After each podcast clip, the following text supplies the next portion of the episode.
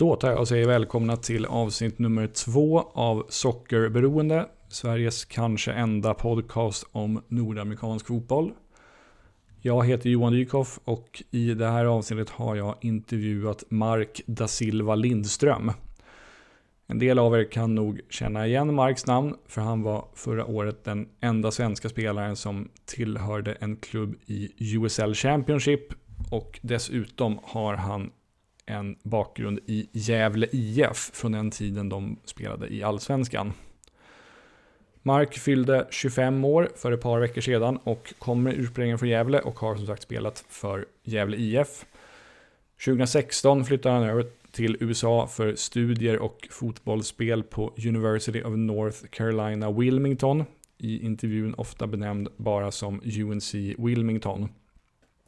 Där hade Mark fyra framgångsrika säsonger och under somrarna 2017, 2018 och 2019 spelade han också för tre olika lag i det som numera heter USL League 2.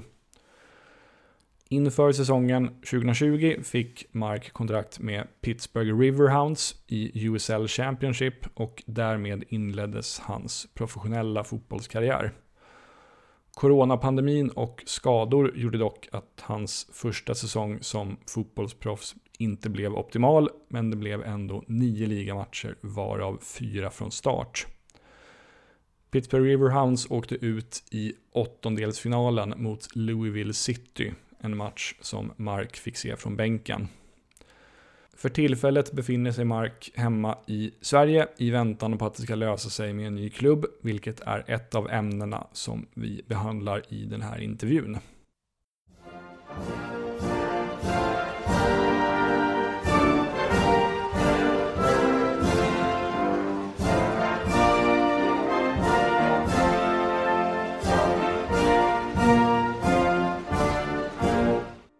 Till att börja med då, kan du berätta lite kort om din fotbollskarriär här hemma i Sverige innan du flyttade över till USA?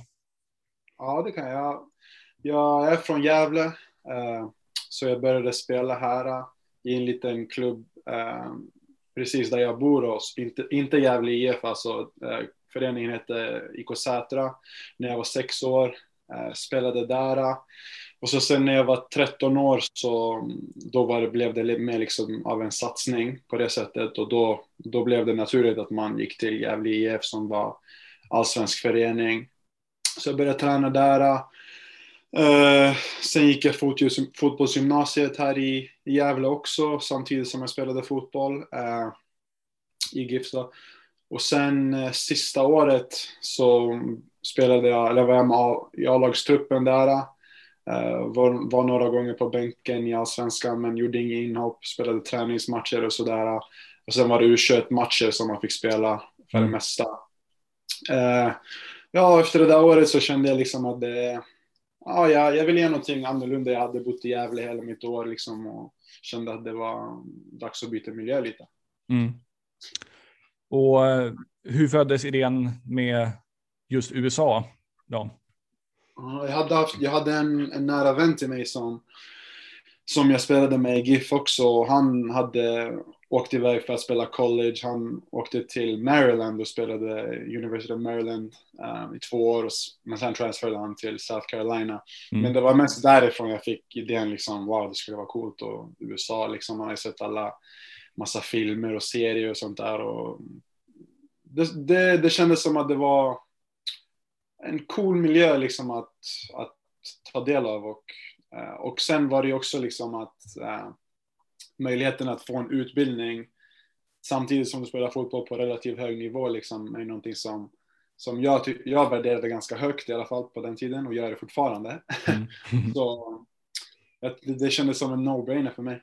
Ja, förstår. Vem var den här kompisen som du pratade med? Uh, han heter Kristoffer Wallander Janev han, han har lagt skorna på hyllan nu. mm.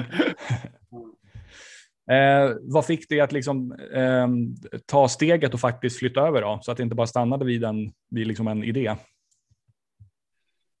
Uh, ja, det, alltså, om jag ska vara ärlig så vi gjorde den där processen tillsammans. Och han, var, han, han, han är ett år äldre än mig, han är född 95, så mm. han var långt före mig liksom. Och jag såg allt som alltså alla möjligheter som han hade. Han hade liksom alla skolor som han pratade med, faciliteterna som de skolorna erbjöd honom liksom. Och då tänkte jag, fan det här är alltså värsta grejen liksom. Så vi, vi åkte tillsammans och gjorde alltså SAT, vilket motsvarar högskoleprovet och mm. andra prov liksom. Så vi körde, det var liksom, vi, vi åkte tillsammans till Stockholm och gjorde det samtidigt och ja, det var, det var som en grej som vi gjorde båda två liksom och det var på det sättet så blev det lite enklare. Om du förstår. Ja, jag förstår. Okej. Okay. Tog du hjälp av någon sån, eh, något sånt svenskt företag som sysslar med liksom, eh, rekrytering till ja, ja. ja, det gjorde jag. Jag tog hjälp av CS USA mm. och eh, speciellt Emil Kumlin. Han jobbade där då. Jag vet att han nu, nu har han sitt eget, Kumlin Recruiting. Mm. Eh, men det var han som hjälpte mig och jag hade många erbjudanden. Um, mycket tack vare han, liksom, han har mycket kontakter där, så han hjälpte mig väldigt mycket. Ja. Och hur, varför blev det just UNC Wilmington till slut? Uh,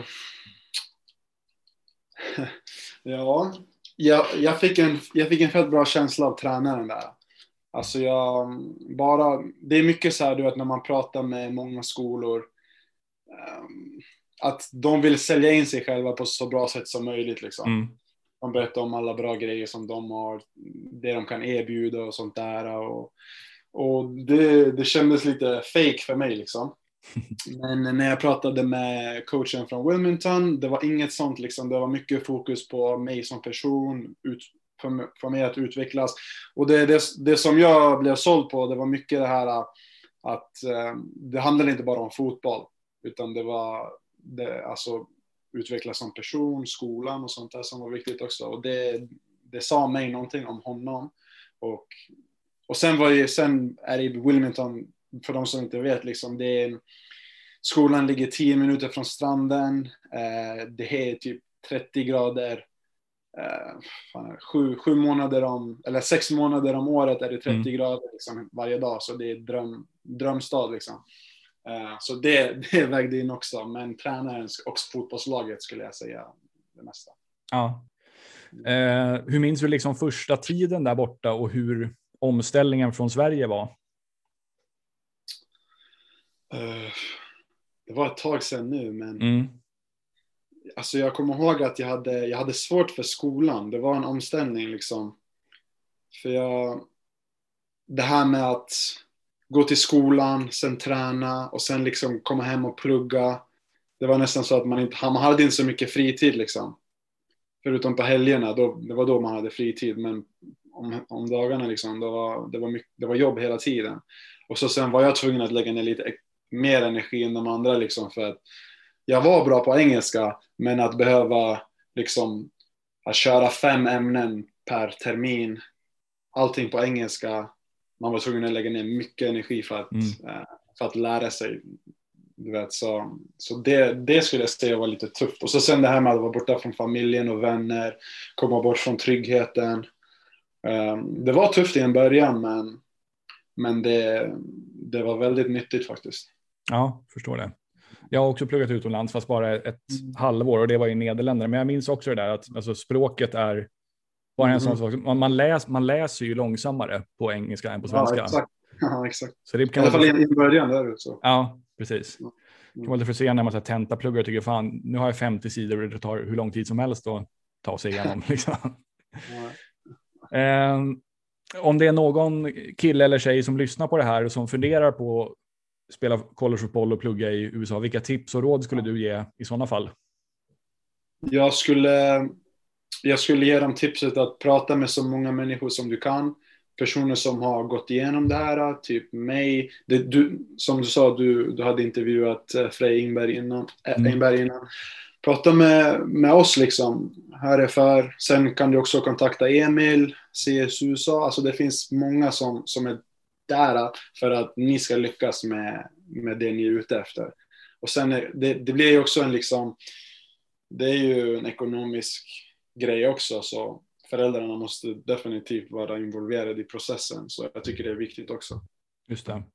Hade du, eh, hur såg det ut för din sida med liksom scholarships och så? Ja, jag, jag hade tur, jag, jag fick full scholarship så jag behövde inte betala någonting för min skolgång. Så det var, jag fick en, liksom en, en utbildning värd cirka en miljon kronor gratis. Liksom. Så det är det som är det positiva också med hela grejen. Att, det, att många svenskar, liksom, fotbollsnivån här är ju mycket högre än vad det är där. Alltså, vi har ju större chans att få bättre erbjudanden när det kommer till scholarships. Mm. Så det är bra möjlighet. Ja, just det. Fan, jag har inte tänkt på, men det, det är klart att det är så. Ja. Eh, apropå det, liksom, vilken nivå i svenska ligasystemet tror du att ditt lag på UNC Wilmington hade kunnat hävda sig på? Uh, hmm. Alltså jag skulle säga att vi, vi, var, vi var väldigt bra. Vi var en av de... Alltså det finns ju ett par lag i collegefotbollen som, som försöker spela fotboll, liksom rulla boll. Alltså det är många lag som är så här, bara, har bara maskiner och kör direktspel liksom. Och mm. fokuserar på att springa så mycket som möjligt. Men vi försökte rulla. Och det som jag skulle säga vad skiljer oss från typ ett annat herrlag, det är ju att vi hade många yngre i vårt lag och som, när det kommer till duellspel så är vissa inte liksom mogna på det sättet. Men jag skulle väl säga kanske division, alltså division 2 typ. Mm. Okej. Okay. Vilka var, nu ska vi se om jag tänker rätt, vilka var liksom de andra bra skolorna i er conference? I, i vår conference, eh, alltså det var inte så, det var, det var vi och JMU, James mm. Madison University. Det var, det var vi liksom som, som tog oss till NCAA tournaments och som var där i conference tournaments liksom varje år. Sen, ja. sen fanns det ju typ till exempel William and Mary ibland, uh, Hofstra ibland, men konsistent så var det vi två. Okej. Okay. Eh, vi sa förresten Hjalmar Ekdal där ett år under din tid. Mm. Eh, ja, exakt. Just det. stod, eh, när jag kollade igenom eh, trupper så såg jag att hans namn tog upp men det var bara ett år, eller hur? Ja, exakt, bara en säsong. Ja. Är det någon annan av dina gamla lagkamrater som har blivit proffs? Uh, jag har en lagkamrat som spelar i, han är från Honduras.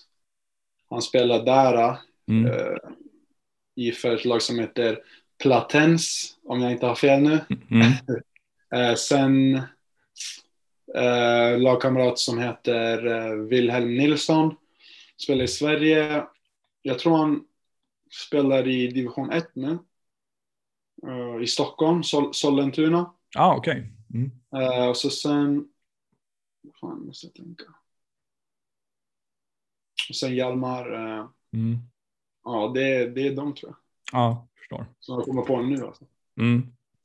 Hur var liksom intresset för eh, skolans lag, om man tänker generellt, eh, alla idrotter, men sen även fotbollslag i synnerhet? Drog ni något kom det mycket publik på, publik på matcherna?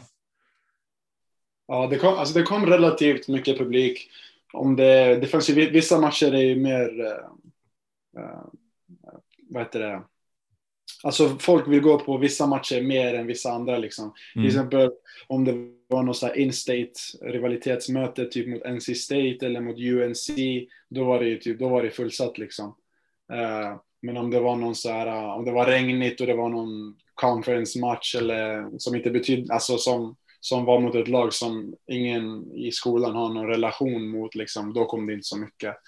Uh, det är ju, alltså det är ju, amerikan, det är ju normalt sett amerikansk fotboll, basket, uh, baseball. Det är ju mm. de som skolan pushar mest liksom. Och man kände ju det ibland liksom att vi blev lite, att vi blev över, overlooked.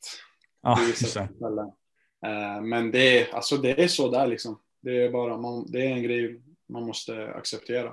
Mm. Eh, kanske en svår fråga, men vad skulle du liksom säga att eh, collegeåren där betydde för eh, din liksom utveckling, både på fotbollsplanen och utanför den? Ja. Nej, jag tror ja, det, det betydde oerhört mycket. Um, jag kom dit som sagt, efter att ha varit i Gävle hela mitt liv, um, liksom varit i samma miljö, eh, uh, 19 år liksom, och så sen bara komma helt till ett nytt ställe, en helt ny kontinent, liksom, du känner ingen. Uh, det, det gjorde så att jag fick ta, alltså, ta mig ur den här comfort zonen och liksom mm. verkligen, alltså nu var man själv liksom.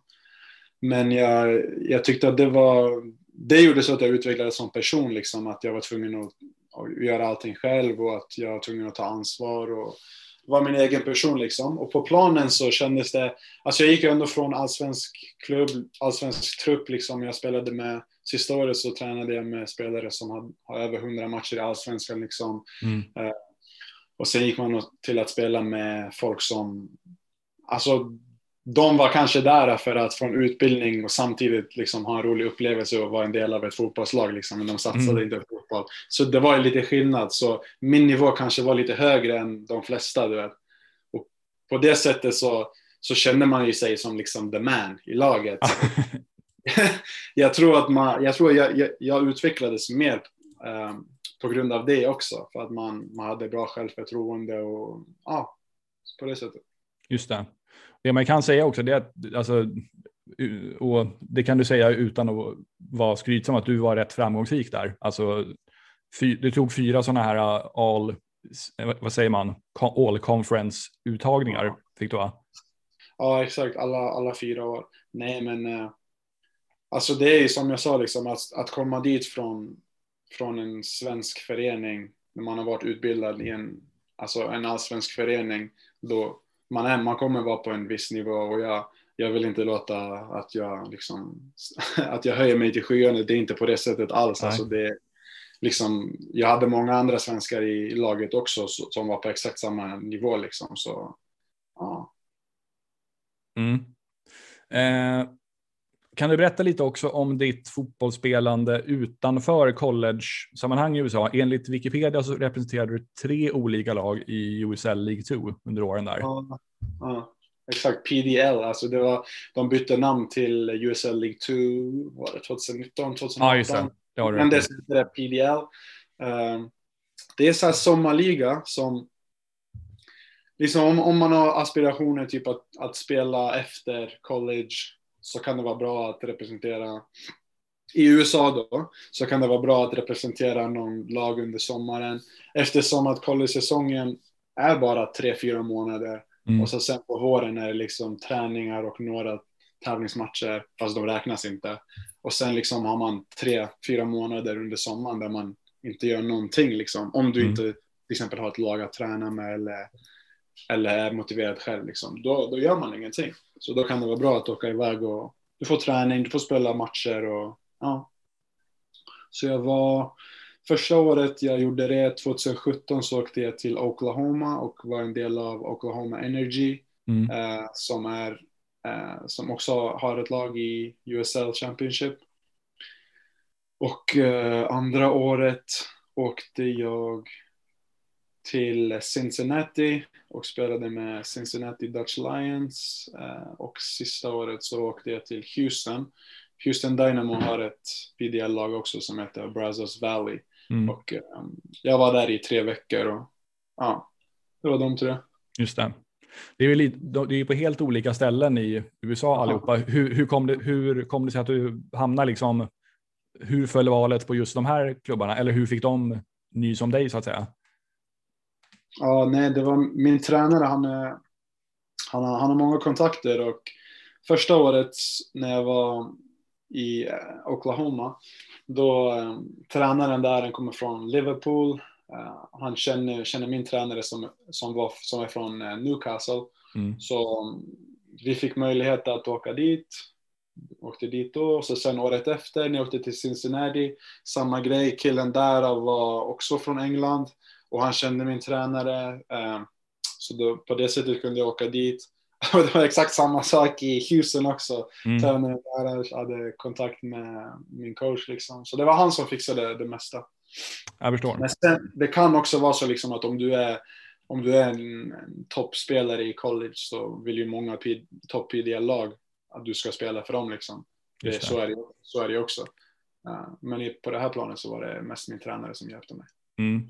Och visst är det så att det, det är liksom amatör, man får inte betalt för då blir man av med sin så college eligibility. Ja, ja alltså det, det är, så är det. det man, får, man får inte ta betalt, det får inte, får inte vara något sånt där. Men det finns många som böjer på de där reglerna. Men ja, det är så. på pappret mm. så är det sagt att man inte ska få, det, det ska, man ska inte få några fördelar alls liksom. Nej, just det. Eh, jag kollade lite vilka du spelade med under de här åren och ett namn som jag såg var han eh, Aimé Mabika eh, i mm. Cincinnati. Mm. Han blev ju draftad ja. av, av Inter Miami nu alldeles nyligen. Ja, ja, ja, exakt. Han som är typ tre meter lång eller någonting. ja, han är kopia av Pogba. Ja, han är det. Ja, just det. Är, han, är, han, är det MLS-kaliber på honom tror du? Uh, han, är, han är bra. Alltså, när, när, vi, när vi spelade tillsammans så var han mittfältare. Han spelade som en sexa. Ah, okay. Eh, mm. Men jag tror att han nu de senaste åren så har han spelat som mittback. Mm. Och jag tror att han kommer, han kommer säkerligen, om han får kontrakt av Miami så kommer de använda honom som mittback. Men eh, som mittfältare, han var, alltså han är lång, han är, han är fett lång du vet. Så speeden är inte, är inte hans högsta kvalitet, men han är fysiskt stark, bolltrygg, liksom. Han är, han är bra alltså. Och sen är han ung också, så jag tror att han kan göra bra ifrån sig om man får chansen. Mm. Um, om vi tänker tiden efter college sen för din del, hur uh, gick det till när du fick kontrakt med Pittsburgh? Uh, jag åkte dit uh, på, de hade en sån här combine mm. i december. Åkte dit, de sa det var två dagar. spelade första, första träningen var ungefär en liten träning och sen spelade vi lite alltså match. Andra dagen var det bara match. Uh, och sen liksom åkte jag hem uh, och så fick jag samtal från min, min agent liksom och sa, som sa att ah, de, de, vill, de vill ha dig. Uh, och så sa jag bara, nice, trevligt. och sen skötte de liksom pappersarbetet och sånt där och ja, Fanns det några andra liksom, alternativ att ta ställning till då? Uh, jag skrev på för dem ganska tidigt. Mm. Uh, för jag tänkte, det är, en, det är en bra klubb i USL. Uh, eh, alltså mitt mål var ju MLS. huvudmålet var MLS. Mm. men jag tänkte, Pittsburgh är ett riktigt bra lag i USL. De, de hade nyss vunnit Eastern Conference regular season. Uh, och det, det, finns, det, fanns en, det finns en kultur där liksom att du går dit, du gör bra ifrån dig, du kan gå vidare till, till något bättre liksom. Mm. Uh, så sättet som det funkade var, vi, jag skrev på där, uh, när var det? I början av januari, innan draften. Men vi hade en klausul som sa liksom att om, om det blir så att jag går in i draften, blir draftad, så, så kan jag skriva på för ett annat lag i MLS då. Ah. Okay. Jag förstår. Mm. Jag gillar arenan där i Pittsburgh. Jag tycker den ligger skithäftigt till. Ja, det är riktigt coolt faktiskt. Precis i stan. Och så ser man sky, om man, om man ser matchen på tv så ser man skylinen där i bakgrunden. Det är skithäftigt. Ja, jag vet exakt. Nej, det, ja, det, var, det var coolt att spela där faktiskt. Ja. Eh, det blev ju en jävligt konstig säsong med tanke på pandemin. Men, och, men liksom om hur nöjd, ändå liksom givet förutsättningarna, hur nöjd är du med din första professionella säsong? Alltså, med tanke på, på allt som hände med skador, med uh, pandemin, med... Ja, om man tar into account liksom allting så är jag ändå fett nöjd. Mm. Men sen vill man ju alltid ha lite mer liksom. Men allt som allt så skulle jag säga att jag, jag är nöjd. Mm. Ja det är nio matcher varav fyra från start, säger statistiken. Kan det samma? Ja. Um, var det någon som du spelade med eller mot i USL som du blev särskilt imponerad av som du tror kan göra, kanske kan bli upplockad till MLS inom kort? Ja, alltså. Jag, jag spelade med Kenardo Forbes. Han är gammal, han kommer inte gå till MLS nu liksom. Men eh, alltså han har mest assist i, i USL-historien liksom. Eh, han var riktigt bra. Men om man tänker på spelare som kan gå upp till MLS. Eh, jag spelade ju mot den här, det är en kille i Philadelphia Union. Två som just blev, gick till eller nej, det är hans brorsa. Hans brorsa skrev på för Leipzig, eller Red Bull Salzburg. Mm, just det. Hans brorsa spelade i Philadelphia Union. Just det, Paxton Aronson. Just det. Ja, jag tror han kommer, han är ung också så han kommer säkert få chansen i A-laget där. Och så sen, eh, vi hade en kille, Robbie Mertz också i vårt lag, också ganska ung. Ja, han är bra, han skrev nyss på för Atlanta 2. Mm. Gör, han en, gör han en bra säsong där liksom så tror jag att han har alla möjligheter att kunna, kunna gå upp där. Just det. Han, han eh, eh, Phoenix har ju en ytter som är jävligt bra, han Asante, han jättekorta killen. Eh, men han är, också, jag tror han, han är väl också lite för gammal, jag tror han är typ 30 eller 31. Så. Ja, alltså det finns många sådana här spelare i USA som är lite äldre. Och jag tror att han är, han är från Ghana, eller hur? Eh, ja, det stämmer nog. Just det. Det, blir ju tufft, det blir tufft med alltså den här uh, international spot också, att ta en sån i ett lag. Uh, om du kommer från USL. Liksom. Det är inte många som gör det. Det kan hända, men det är inte många som gör det. Men uh, jag tror det han, alltså de är, han är han är riktigt bra liksom, men det kan bli tufft. Ja, precis. En li, lite till åren kommen utlänning. Nej, det blir kanske tufft. Men han får, han får briljera i, i Phoenix istället. ja, men det är, det är inte dumt heller. Nej, precis.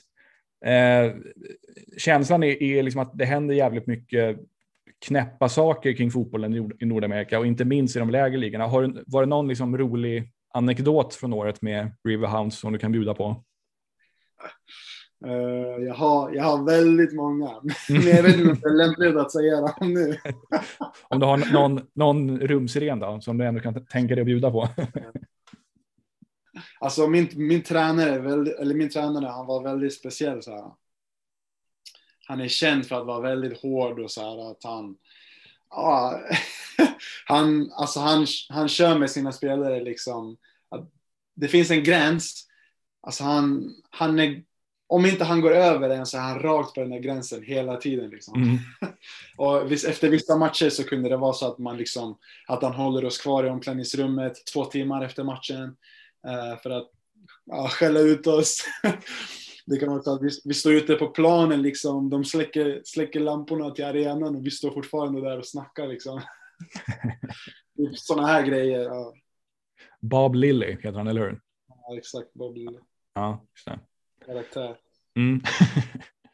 eh, en sak som jag har tänkt på också med USL det är att alltså, det verkar som att det är väldigt stor eh, vad ska man säga, ja, ruljans på spelarna. Alltså det, det verkar som att alla har typ ett års kontrakt och byter klubb. Även om de har gjort ganska bra ifrån sig så är det som att de liksom inte blir kvar i eh, Alltså det verkar som att av någon anledning så går, går de ändå vidare. Det, lagen behåller inte sina bra spelare. Vet du vad det beror på? Eller är, är, det, din, är det din bild också? Och om det är så, varför är det så?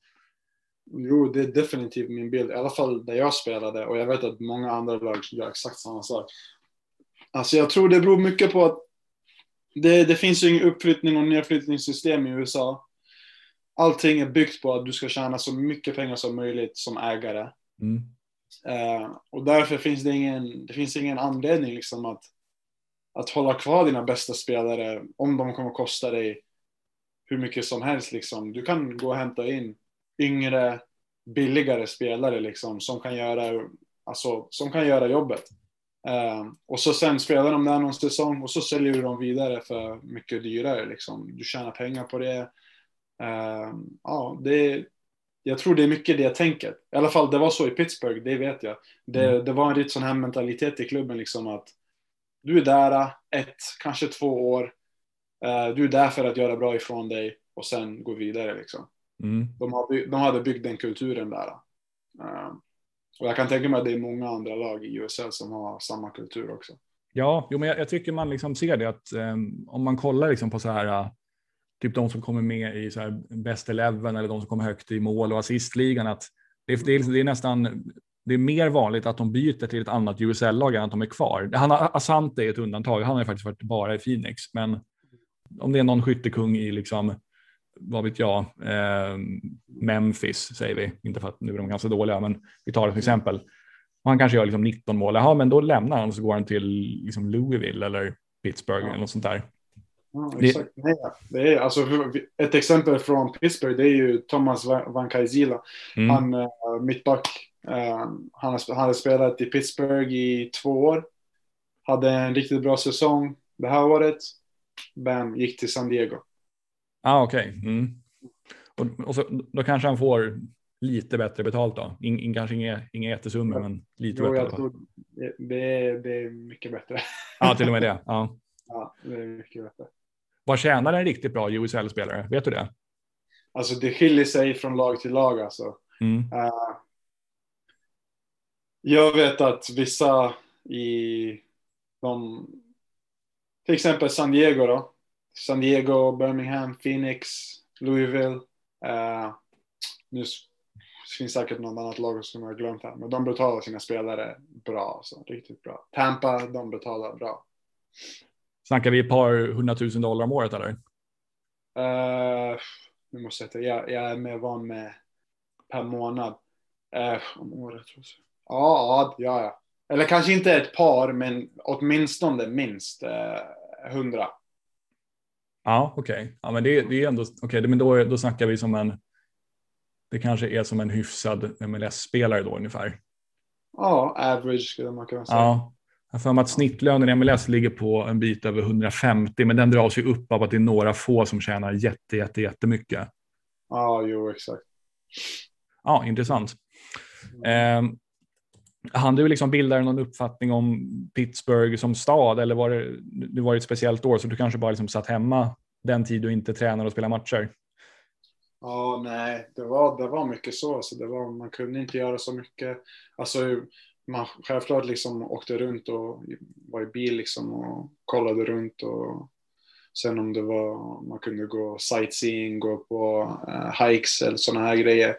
Uh, men det var, det, det, var inte som vanligt liksom och man, man kunde inte få en bild av staden hur den var när det inte var en pandemi liksom. Mm. Uh, men jag, alltså bara av att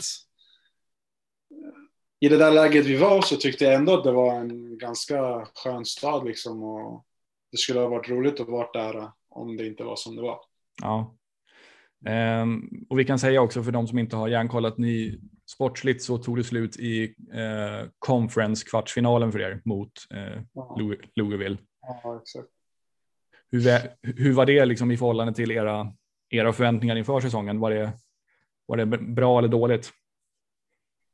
Ja, alltså det är svårt att säga. För de, när vi kom så hade de gjort sig av med hela laget liksom. De hade, de hade väl nio spelare som var kvar mm. från det året de vann eh, alltså East, Eastern Conference. Eh, och många av de spelarna var spelare som inte startade för, alltså det året eller spelade mycket alls liksom. Så det var, det var ett helt nytt bygge började, vi tränade första månaden och sen liksom tog det slut. Då fick vi gå hem i två månader. Fick inte göra uh, och sen kom vi tillbaka, tränade en månad och så sen var det match liksom. Mm. Uh, så det var svårt att lägga så här mål för säsongen. Uh, om vart vi ville sluta så här. Men alltså som, som jag sa, vår tränare är väldigt hård. Och han, han nöjer sig inte med någonting mindre än vinst liksom varje match. Mm. Så, så det var på det sättet så var ju alltid vårt mål att gå så långt som möjligt liksom. Just det. Just det. Mm. Sen blev det lite konstig avslutning på säsongen för, för finalen kunde, kunde ju inte spelas. Så det blev ju två, två mästare. Ja. ja, väldigt konstigt. Ja. Men jag tycker, det, jag tycker det är lite konstigt ändå. Alltså det är så i USA liksom att man spelar så här turneringsspel. Mm. det blir ju lite, alltså, visst du kan, du kan vara bra i en match liksom, men jag tycker att det är mera, det säger mer om hur bra du har varit genom hela året liksom, att du vinner ligan. Det säger mer än att du vinner en final liksom. Ja, för mig, för mig personligen, men nu är det som det är liksom. Jo, men det har ju varit, så har det varit flera år i MLS under de säsonger jag har följt ligan, att det har varit lag som varit liksom skitbra i grundserien och sen ryker de direkt i slutspelet för de hade en dålig match. Liksom. De kanske fick ett rött kort i femte minuten och sen var den säsongen förstörd. Ja, exakt. Det händer. Man kan ha dåliga matcher. Ja, eller tvärtom. Jag tror för, första säsongen då jag följde MLS, då var det Real Salt Lake som vann ligan. Jag tror fan, ja. jag tror fan de tog sig till slutet på målskillnad. Alltså, det var alltså, det var minsta möjliga marginal och sen gick de och vann hela skiten. Ja. Ja. Och då känner man ju att, ja, okej, okay, kul för er, men ni är ju inte värdiga mästare. liksom, ni är ju faktiskt inte bäst. Ja, det är sjukt. Ja. Eh, då ska vi se. Nu är du hemma i Sverige, berättar du för mig, eh, och är för tillfället klubblös. Vad, vad händer liksom framöver i din fotbollskarriär? Blir det USA igen eller blir det Sverige nu? Eller finns det några planer som du kan dela med dig av?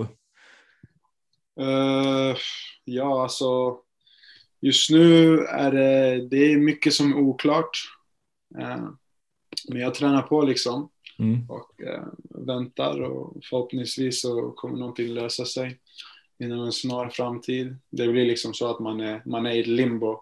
Man vet inte vad som kommer hända du vet, och pandemin hjälper inte. Um, så vi får se. Nej, just nu så det finns inga nyheter faktiskt att dela med sig. Nej, ja, men vi håller tummarna för dig förstås. Ja. Eh, men känner du liksom att USL är ändå en nivå som, som du absolut som du håller för? Ja, ja. Mm. Alltså jag personligen, ja, det, det, det tycker jag. Alltså, jag, tror, jag tror mycket på mig själv liksom, mm. och jag vet att jag, jag håller den här nivån. Uh, sen var jag, det var ett tufft år liksom, med, med skador och så, men jag, jag vill verkligen, jag skulle vara tacksam för en ny chans liksom. Det skulle vara, vara kul. Ja, men det är kul. Ja, det tycker jag vore kul med. Det är kul med svenskar borta i USA, så jag hoppas att du, att du hamnar där igen. Det vore skit, skitroligt. Eller Galaxy behöver defensiv, defensiv förstärkning, dit kan du väl dra. Har du sett deras försvar? Fan, jag, fan, jag tror fan jag hade platsat där nästan. I LA Galaxy? Ja, snudd på. De lägger pengarna på offensiva spelare snarare än defensiva. Eh, har du förresten, har du bara spelat mittback där borta i USA, såväl i college som i Pittsburgh? I USA, ja det har jag. Mm. Ja ifall du av någon anledning inte skulle få spela mittback, vad, vad är liksom alternativ nummer två i så fall? det beror på om du frågar mig eller om du frågar tränare. om, om, om, om, vi säger att tränaren säger, nej men hörru Mark, nu, nu, vi, har, vi har två mittbackar som är bättre än dig, men jag vill att du ska spela. Var, var väljer du då? Ja, alltså, det kanske skulle bli defensiv sexa. Ja. Något sånt. Ja, jag vill, jag vill säga forward, men... men nej, det, det skulle inte hända. Om man kollar din statistik så verkar du inte vara någon, mål, någon målspottare direkt. Men... nej. nej, det har inte blivit så. Nej, nej men du är väl, du är väl liksom en rätt typisk sån stor, stark, bufflig mittback, eller hur? Ja, det skulle jag säga. Ja. Nej, men, nej, men som sagt, vi håller tummarna. Jag tycker absolut att eh, ja, i och med att jag har mitt USA-intresse så hoppas jag verkligen att det blir USA igen för din del. Men man vet aldrig. Man vet aldrig. Kan det bli många sena nätter för dig då? Ja, alltså man kan säga. Jag försöker väl se när säsongen väl är igång så försöker jag se kanske en en till två matcher live och då tar jag dem med, liksom, med mest praktisk eh, avsparkstid. Men Sen kan man ju se dem, man kan ju se dem i efterhand också. Eh, ja. Och då blir det att det kanske ser en eller två dagen därpå, då, de som känns mest intressanta. Sådär. Eh, men det är, nu, det är sällan som jag, sitter, som jag liksom ser matcher live som har avspark halv fyra och sådär, för då, det, då, är så, då är nästa dag helt förstörd, för man är så jävla trött. Liksom. Så det är, det, är inte, det är inte riktigt värt det. Nej, jag förstår. Hur mycket följer du liksom fotbollen i övrigt i, i USA? Eh, inte mycket om jag ska vara ärlig.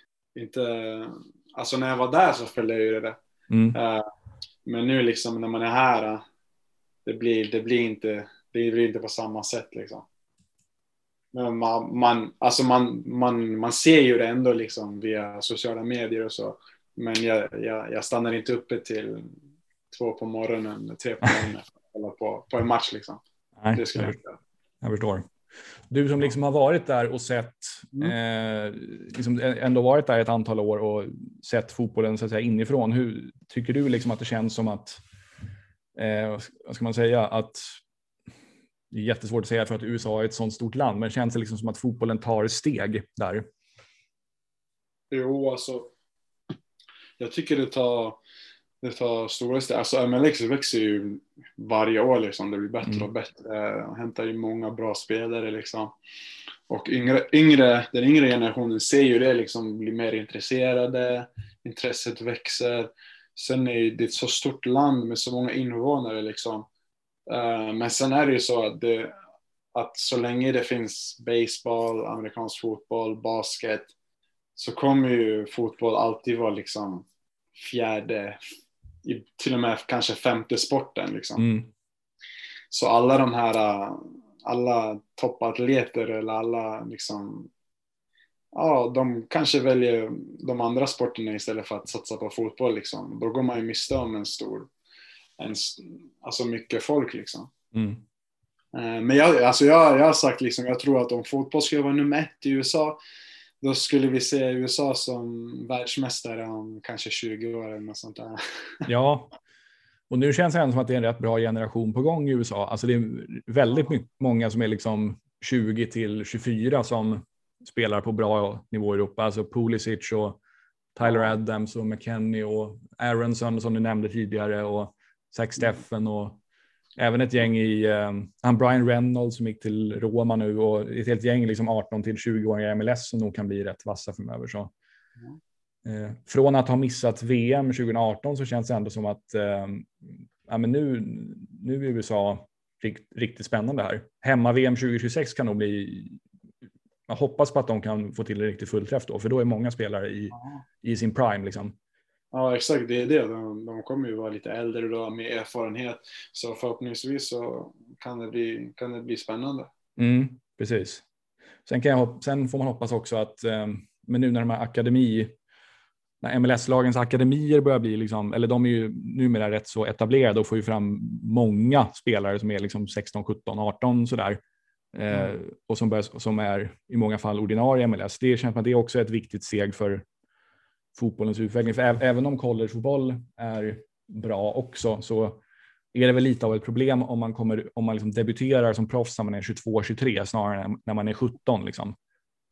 Alltså det, det behöver inte vara ett problem på det sättet, men det, det är självklart att det är bättre om man gör det som yngre. Liksom. Då får man få mer erfarenhet och liksom, det är bättre träningar under en längre period. Alltså, mm. ju, mer, ju mer tid du lägger ner på det, ju bättre blir det. Liksom. Så är det. Precis. Systemet är också liksom att det finns ju inga lägre divisioner som det gör här i Sverige liksom, på samma sätt. Så mm. det är ju liksom, om du inte spelar college och inte liksom spelar eh, i någon akademi eller går till något MLS-lag då, liksom, då är det ju, hur, hur ska du få en utveckling då? Hur ska du få bra träning? För vissa, vissa utvecklas ju inte och når sin fulla potential liksom förrän de är 20 kanske. Nej, precis. Då, då är det för sent där liksom. Mm. Men man, man, ja, man ser ändå ett skifte nu tycker jag för att eh, om man kollar typ så här, USAs VM-trupp så 2002 eller någonting, då, då skulle jag säga att en klar majoritet av spelarna i den hade, hade collegefotbollsbakgrund. Ja. Eh, det var några få undantag, typ Tim Howard om han var med redan då. Han, var, han, han, har, han har i alla fall inte spelat på college och inte Lennon Donovan. Och tror jag inte heller Marcus Beasley. Men sen utöver dem har nog fan i princip alla från den generationen spelat collegefotboll. Men om man kollar nu så är det ju rätt många som inte har tagit den vägen. Typ, ja men Pulisic, Tyler Adams, eh, Brian Reynolds, eh, med flera, med flera sådär. Ja, nej men så är det. det, mm. det är så. Men det finns undantag också, alltså typ, eh, eh vad heter han, Jeff Cameron som spelade i Premier League, så han gick mm. fy, fyra år på college och blev draftad som så här 46 eller någonting i MLS och sen gick bra för honom ändå. Ja, det finns undantag.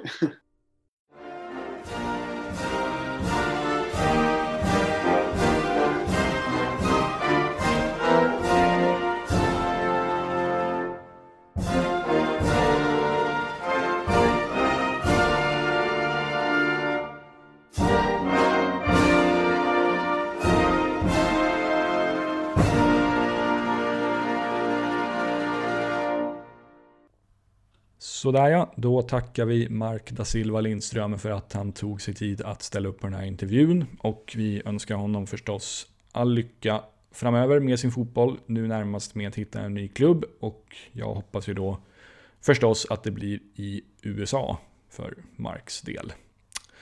Eh, hoppas att ni har tyckt att de här två inledande avsnitten har varit bra. Det kommer komma fler som sagt om inte allt för lång tid har jag för avsikt att släppa avsnitt nummer tre. Eh, så håll utkik. och ha det så bra så länge. Tja tja!